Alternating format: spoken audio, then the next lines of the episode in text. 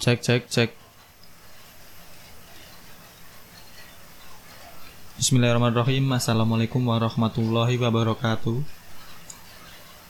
Oke teman-teman di episode kali ini aku mau ngebahas topik yang baru-baru aku dengar, baru-baru aku lihat dan informasi ini tuh akhir-akhir ini aku sering pelajarin, sering apa ya kayak ya mengulik lah lebih dalam lagi tentang topik yang mau kita bahas kali ini gitu.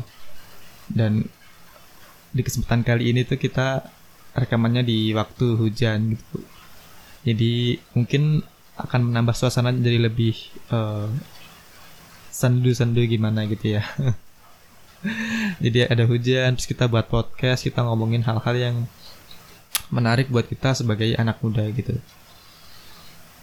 Dan mungkin udah nggak lama posting jadi posting podcast maksudnya. Jadi kalau ada kata-kata yang belibet atau gimana mau dimaafkan. Karena nanti ini aku pikir nggak nggak usah diedit nggak usah dikat cut jadi kita langsung mengalir aja gitu ngikutin suasananya kayak gimana gitu. Jadi nggak bakalan ada cut cutan nggak badak nggak bakalan ada uh, edit editan gitu. Jadi ini aja udah belibet ya. Jadi mo mo mohon dimaafin lah Oke, seperti biasa kita opening dulu di episode keberapa ini lupa dan yang pasti kita akan membahas topik yang lebih mendalam lagi, c mendalam buat anak muda. Oke, selamat datang di Titik Pivot Podcast.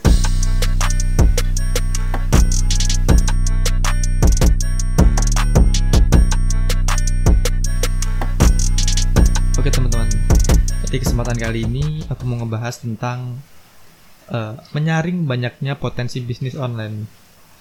Jadi akhir-akhir ini tuh aku banyak nemuin kayak berbagai macam potensi bisnis online yang bisa kita kerjain gitu, yang bisa kita hasil uh, lakuin gitu. Ada banyak banget bisnis online atau usaha usaha-usaha yang bisa kita lakuin di dunia digital gitu. Semakin banyak uh, informasi yang kita terima juga semakin banyak mungkin semakin banyak juga potensi bisnis yang mungkin yang mungkin bisa kita kerjain gitu. Di sini pentingnya kita penting-penting banget untuk menyaring semua potensi itu, semua uh, apa ya peluang-peluang usaha itu supaya kita juga bisa fokus ke dalam uh, menjalani suatu usaha itu nantinya gitu. Jadi kalau misalkan ada tawaran bisnis ini terus ada tawaran lagi bisnis ini kayaknya menguntungkan terus ada temen yang ngajak ini bisnis kayak gini nanti bagus ini pro prospeknya begini terus bisa ngasilin duit dari rumah gitu. Kayaknya enak gitu ya bisa kerja sambil tiduran gitu. Dan kalau aku pikir sih uh, kerja sambil tiduran itu kayak apa ya?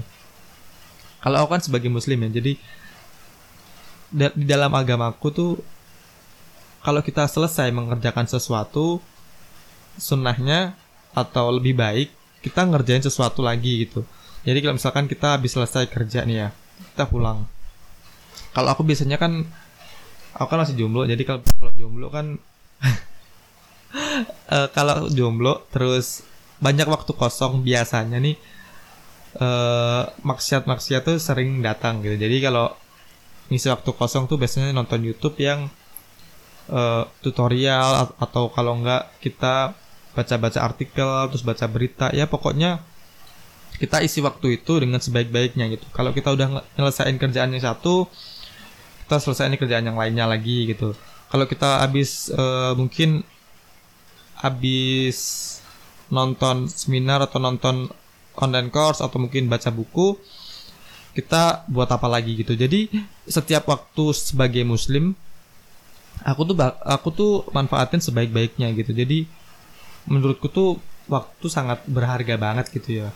Gak tahu kalau buat yang lain tapi menurutku kalau kerja sambil tidur tiduran terus kerja santai-santai gitu enggak banget lah kalau menurut aku. Karena ya itu lagi balik lagi karena sebagai muslim kita harus bekerja keras kita harus dituntut untuk uh, jangan menyanyikan waktu gitu. Jadi manfaatkan waktu sebaik-baiknya kita langsung masuk ke materi ya.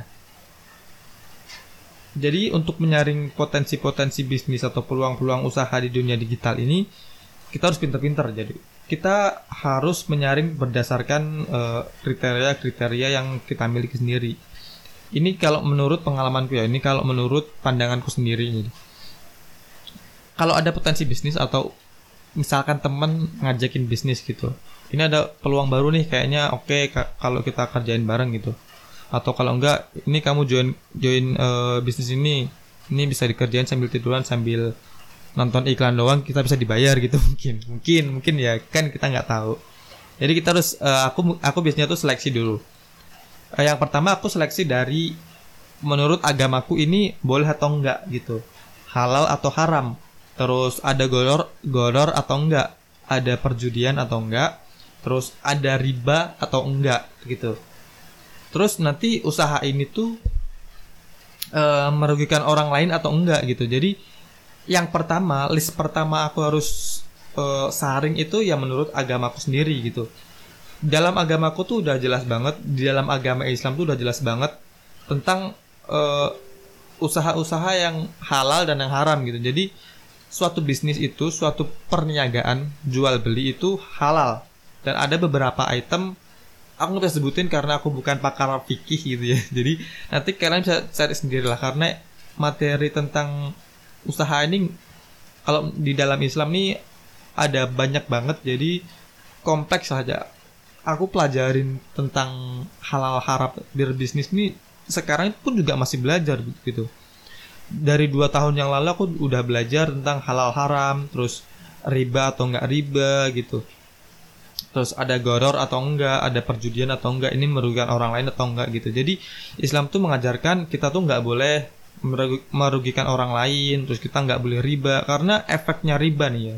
Yang aku tahu nih, efeknya riba tuh akan ada kesenjangan yang sangat jauh banget antara yang kaya dan yang miskin gitu. Uh, aku kasih contoh ribanya aja. Riba ini kan kayak misalkan bunga di uh, bunga bank, terus bunga deposito, terus kalau mungkin kita invest di perusahaan, terus misal misalkan ini di dalam dunia bisnis ya, di dalam dunia bisnis itu ada namanya invest, terus kita balikinya pakai fix, fix apa ya namanya lupa, pokoknya dia pakai bunga juga. Jadi dalam waktu jangka tiga tahun kita invest ke situ misalkan satu satu miliar terus nanti dia per bulan kasih uh, uang ke kita fix dari dari omset atau oh enggak. Atau gimana? Oh satu bulan fix mungkin 3 juta atau mungkin satu persen dari uh, total yang kita investin gitu. Jadi misalkan kita invest satu miliar ya. Satu persennya dari satu miliar itu 110 juta jadi. Jadi dia tiap bulan usaha itu bisnis itu e, harus transfer ke kita 10 juta. Nah, nanti di akhir tahun 3 3 tahun dia baru balikin uang kita 1 miliar. Itu yang aku tahu sih, yang aku tahu. Kalau mungkin ada yang salah nanti bisa dilurusin sama teman-teman gitu. Terus ada yang namanya bunga bank dan bunga bank itu udah jelas banget lah. E, sesuatu yang jual e, pinjam meminjam dan itu ada lebihnya mungkin lebih seribu atau dua ribu atau mungkin ada potongannya atau ada dendanya itu namanya riba itu udah dosa paling besar kalau dalam agama Islam dan itu yang paling aku hindari sih. Kayak gitu. Ada banyak banget riba nanti kalian bisa cari sendiri lah. Terus goror atau enggak nanti kalian bisa, bisa cari sendiri terus merugikan merugikan orang lain atau tidak gitu. Jadi bisnis ini uh, untungnya gede nih. Terus prospeknya juga jangka panjang tapi merugikan orang lain juga nggak boleh. Aku nggak nggak nggak uh, bakal mikir dulu ini bisa diambil atau enggak. Nanti aku paling juga bakal tanya ke ustadz atau mungkin ke guru-guru yang lebih senior lah yang lebih ngerti tentang ilmu agama ilmu fikih tentang jual beli itu itu dari segi agama. Terus dari segi logika. Dari logika masuk atau enggak gitu. Jadi misalkan ada tawaran bisnis. Eh ini ada bisnis nih. Satu bulan balik modal. Modal awal berapa? 100 juta. Gila mungkin ya modal 100 juta satu bulan balik modal. Ini kan udah nggak masuk logika. Jadi logika logika kita tuh nggak nyerna gitu. Nggak masuk logika gitu. Kalau kita pikir-pikir kita hitung-hitung pun juga nggak masuk. Jadi mau di gimana gimana ini juga logika nggak terima gitu. Jadi kita aku biasanya saring pakai logika. Kalau logika nggak masuk ya dipikir lagi ini bener atau enggak kalau enggak ya kalau saya diambil gitu. Terus hitung-hitungan kasar gitu ya yang tadi misalkan modalnya 100 juta terus satu satu bulan balik modal itu kan udah enggak enggak enggak apa ya? Nggak meyakinkan banget lah mungkin ya mungkin apa trading forex terus trading emas atau segala macem. Nanti tiap bulan tuh untung segini segini segini. Dan uh, untungnya tuh satu persen dari misalkan modal gitu ya. Misalkan ini aku aku nggak tahu uh, bisnis forex tuh kayak gimana atau mungkin trading saham trading saham binomo atau segala macamnya lah. Ya ter, uh, semacam semacam itu tapi mungkin kalian lebih tahu lah. Kayak gitu-gitu tuh aku biasanya nolak gitu. Karena udah nggak masuk logika habis itu dihitung-hitung juga nggak masuk gitu. Dan agak-agak mengganjal gitu mungkin ya. Jadi biasanya tuh aku tolak. Terus habis itu aku saring menurut uh, potensi atau apa ya potensi pengembangan terus prospeknya nanti gimana gitu. Kalau yang pertama nih ya yang pertama ini bisa di scale up nggak nantinya gitu. ini bisa dikembangin lagi nggak nantinya? Kalau bisa ya oke okay, tapi kalau nggak bisa kalau mungkin sekarang nggak bisa terus besok bisa atau mungkin tahun depan bisa tiga tahun lagi bisa ambil gitu. Aku ambil biasanya. Tapi kalau mungkin uh, jangka pendek aja gitu ya mungkin kalau kondisi aku butuh cash cash cepet aku ambil. Tapi kalau mungkin cashnya aku udah agak stabil agak udah apa ya uh, pemasukan tuh setiap bulan udah agak stable juga mungkin nggak diambil. Lebih pilih yang ke jangka panjang. Mungkin kayak gitu ya mungkin. Terus yang ketiga yang kedua deh. Yang kedua dari tiga yang pertama kan agama terus logi apa tadi tuh logika logika main atau enggak terus perhitungan terus ini yang nggak tahu yang berapa nih pokoknya. Uh, pasarnya tuh banyak atau enggak gitu. Jadi pasar dari bisnis ini tuh nanti banyak atau enggak? Pasar dari produk ini tuh banyak atau enggak gitu? Kalau misalkan pasarnya dikit ya nggak nggak usah diambil gitu ngabisin tenaga gitu. Terus habis itu dari gimana nanti masa depannya gitu. Kalau mungkin sekarang masih ya nggak terlalu rame gitu terus mungkin masih sepi-sepi tapi dari stat dari statistik dari data di masa yang akan datang akan uh, cemerlang mungkin ya diambil gitu. Mungkin itu ya dari segi uh, peluang. Terus yang selanjutnya tuh dari cash flow. Cash flow tuh perputaran uangnya cepat atau enggak gitu. Ada kan peluang peluang-peluang bisnis misalkan invest di uh, apa ya di properti gitu. Sih di properti. Kita ngomongin agak berat. Di properti. Di properti kan biasanya nih ya harus bangun dulu habis itu harus panjang lah prosesnya. Jadi uangnya tuh nggak nggak muter cepat gitu. Sedangkan kalau kita kondisi kita butuh banget sama duit ya kita harus pilih peluang peluang-peluang usaha yang emang cash flow-nya cepat yang bisa kita dapetin cash secara instan bukan instan ya secara cepat gitu. Mungkin sebulan yang penting bisa buat makan gitu. Kalau misalkan kita nggak nggak ada duit terus ada peluang bisnis. Iya emang potensinya besar tapi cash flow-nya lama gitu. Kayak harus uh, pending dulu pembayarannya dibayar lagi bulan depan gitu atau mungkin tiga bulan ke depan atau bahkan mungkin enam bulan ke depan gitu. Kayak misalkan usaha retail gitu retail di mungkin dititipin di konsinyasi sama Indomaret mungkin atau supermarket. Supermarket itu biasanya kan mereka bayarnya jatuh tempo gitu. Jadi depending dulu selama tiga bulan atau enggak enam bulan baru mereka bayar. Nah kayak gitu dilihat dilihat lagi dari kondisi kita. Kalau kondisi keuangan keuangan kita lagi butuh banget duit cepat ya lebih baik nggak usah diambil kayak gitu. Terus habis itu bisa untuk jangka pendek uh, atau enggak itu maksudnya jangka pendek itu gini. Kita bener-bener butuh duit. Terus ada peluang bisnis nih. Dari segi agama boleh dari segi logika main dari segi apa lagi? E, perhitungan juga main. Terus potensi pasar juga ya menengah menengah ke bawah tapi jangka pendek gitu. Nggak jangka panjang. Kalau menurut aku ya menurut aku nih kalau ada duitnya gas gitu kalau semua udah terpenuhi terus ada duitnya dan lumayan juga gas aja gitu. Kenapa enggak gitu kan? Yang penting kita dapat duit gitu. Yang penting halal gitu ya. Yang penting halal nggak merugikan orang lain uh, masuk logika juga dan nggak ilegal tentunya. Uh, bisnisnya atau potensi usahanya itu juga legal ya kenapa enggak gitu. Gas aja. Selama itu masih dalam koridor Islam dan halal gitu. Kalau menurut aku halal itu paling utama. Kalau masih halal dapetin duit atau menghasilkan ya gas saja gitu. Uh, mungkin itu aja ya uh, yang bisa aku sharing. Karena ini menurut pribadiku sendiri ya ini subjektif banget. Jadi kalian bisa ambil kalian bisa enggak ambil terserah. Ini bisa salah bisa juga enggak. Karena ini subjektif menurut cara pandang aku aja gitu jadi mungkin itu poin-poin yang biasanya aku lihat dulu sebelum aku mengambil suatu peluang usaha. Baru-baru ini uh, aku tuh sering lihat video di YouTube peluang usaha namanya VTube. Terus kayak MLM LMM aku nggak pernah sama sekali ikutan MLM LM L, MLM MLM kayak gitu. Jadi selama aku ngejalanin usahanya selama aku ya bisnis kecil-kecilan segala macam nggak pernah lah yang namanya nyentuh MLM karena setahu aku setahu aku nih aku kan nggak tahu. Aku minim ilmu banget nanti kalau teman-teman mungkin ada ilmu lebih bisa diomongin. Menurut aku MLM itu money gaming gitu. Jadi yang dimainin itu duit dan dalam Islam setahu aku juga nggak boleh gitu duit dimainin terus atau mungkin duit diputar-putar balik supaya untung itu nggak boleh.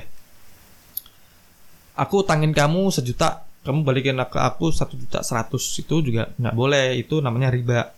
Terus kita main arisan. Kita main arisan terus kalau telat bayar denda itu nggak boleh. Menurut aku ya eh menurut bukan menurut aku sih. Setahu aku itu nggak boleh dalam Islam karena gini ya kita nabung kan arisan kan ibarat kita utang duit nih ya. Kalau kita dapat pertama kan kita sama dengan utang duit sama dia. Terus kalau kita telat bayar, kita kena denda misalkan 200 ribu. Itu sama aja sama aja kalau kalian utang ke bank terus kalian dapat ini kita misalkan kalau kalian dapat uh, utang ke bank terus kalian dapat bunga 0%. Tapi kalau kalian telat bayar, kalian tetap bayar denda. Sama aja kayak gitu di arisan-arisan online mungkin ya. Yang aku tahu yang lagi beredar di di grup-grup WA atau mungkin di story-story WA kayak gitu. Jadi kok telat kita bayar denda gitu. Itu setahu aku juga nggak boleh. Terus trading forex itu setahu aku juga nggak boleh karena itu judi itu gambling. Terus trading emas itu juga emas nggak boleh nggak boleh diperjualbelikan online gitu. Emas itu transaksinya harus apa ya emas kan kalau transaksi itu harus offline lah istilahnya. Nggak boleh online. Nggak emas tuh nggak boleh dijual belikan online. Kalau mau beli emas ya datang ke toko emas beli emas. Udah kayak gitu. Terus apa lagi? E, mungkin ya semacam semacam lah. VTube itu itu juga money gaming. Terus MLM MLM multi level marketing itu juga money gaming kalau menurutku ya. Kalau mungkin ada yang nggak money, money gaming nanti kabarin aja lah terus invest di bisnis terus dikasih flat per bulan itu juga uh, kategori riba. Terus apalagi? Eh beda sama gini ya. Kita invest ke orang terus kita dapat saham misalkan 20% dari total saham dia gitu. Terus kalau untung kita ikut untung dari profitnya dia kalau rugi kita ikut rugi itu boleh. Dalam Islam itu boleh sekali lagi aku tekankan ya. Kalau yang tadi kan gini aku invest 100 juta misalkan. Terus kamu nanti tiap bulan kasih aku uang 2 juta. Nanti setelah tiga tahun kamu balikin 100 juta. Itu nggak boleh karena itu riba. Ada tambahan. Ada tambahan di uh, uang yang kita pinjemin ke dia. Beda lagi kalau kita invest. Kalau invest kan gini aku invest di usaha kamu 100 juta. Nanti aku dapat saham 20% nah mau uh, usaha kamu untung atau rugi, aku ikut tanggung gitu. Jadi kalau misalkan usahanya untung banyak, profitnya gede 1 M, aku dapat 20%. Tapi kalau usahanya rugi, ya aku harus siap terima resiko. Uangku juga rugi gitu, aku juga rugi gitu. Dan kalau yang tadi kan enggak mau untung atau rugi, yang penting satu bulan itu kamu transfer ke aku 10 juta dan dalam tiga tahun kamu harus balikin uang yang aku invest 100 juta ke aku gitu. Itu kan nggak apa ya? nggak adil gitu. Dalam Islam tuh nggak boleh nggak adil tuh. Dan kalau mungkin kita uh, semua umat di dunia ngelakuin kayak gitu, kita anggap uh, semua umat dunia ngelakuin kayak gitu pasti uh, kesenjangan tuh bakal tinggi banget lah karena gini setiap uh, pengeluaran di suatu bisnis itu dimasukkan ke fix uh, apa apa ya dimasukkan ke HPP uh, harga pokok produksi kita utang ke bank misalkan jangan kita lah suatu bisnis utang ke bank 100 juta terus mereka dapat bunga setiap bulan atau per tahun flat 10% 10% itu bakal dimasukin ke HPP gitu. Jadi harga barangnya kan semakin naik. Iya kan? Iya nggak sih? Iya, pastinya iya. Harga barang semakin naik, sedangkan uh, suatu bisnis itu akan menekan biaya serendah-rendahnya untuk memaksimalkan untung. Dan pasti gaji buruh, gaji segala macam karyawannya bakal juga akan dipres gitu.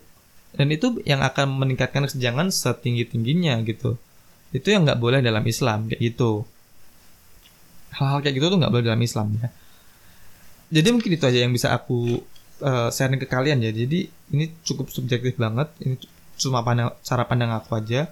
Jadi kalian boleh terima boleh enggak. Dan kalau enggak ya nggak masalah. Kalau terima ya alhamdulillah gitu. Aku uh, nggak maksa kalian intinya. Oke mungkin itu aja ya di episode kali ini. Agak lama tapi ya mungkin bisa kalian ambillah manfaatnya. Semoga bermanfaat dan di sini masih hujan. Kalau di sana hujan juga jangan di jangan dicela karena hujan itu rahmat. Kita berdoa aja Allah. Allahumma. Gimana sih doa hujan? Aku lupa. Allahumma gimana sih doa hujan aku lupa pokoknya gitulah kok aku bisa lupa ya biasanya inget sih kita browsing lah biar kita nggak terlalu uh, terlalu apa ya nggak nggak tahu tentang agama kita sendiri Allahumma sayyiban nafian kalau nggak salah sih. Kalau nggak salah ya. Karena hujan itu rahmat teman-teman. Jadi kita harus nggak boleh mencela hujan. Nggak boleh uh, mengolok-olok apa yang udah Allah kasih apa yang udah Tuhan kasih ke kita gitu. Jadi kita harus syukurin kita harus maksimal. Ini benar. Allahumma Allahumma. Mana nih? Uh, doa ketika hujan nih. Allahumma saiban nafian Ya Allah turunkanlah kepada kami hujan yang bermanfaat. Oke mungkin itu aja dari episode kali ini. Semoga bermanfaat Kalau ada salah dan mungkin kalian nggak seberapa mau dimaafkan. Sekian dari saya Ramadhani Mataru Di episode podcast kali ini. Sampai jumpa kembali dan tetap dengerin terus titik pivot podcast.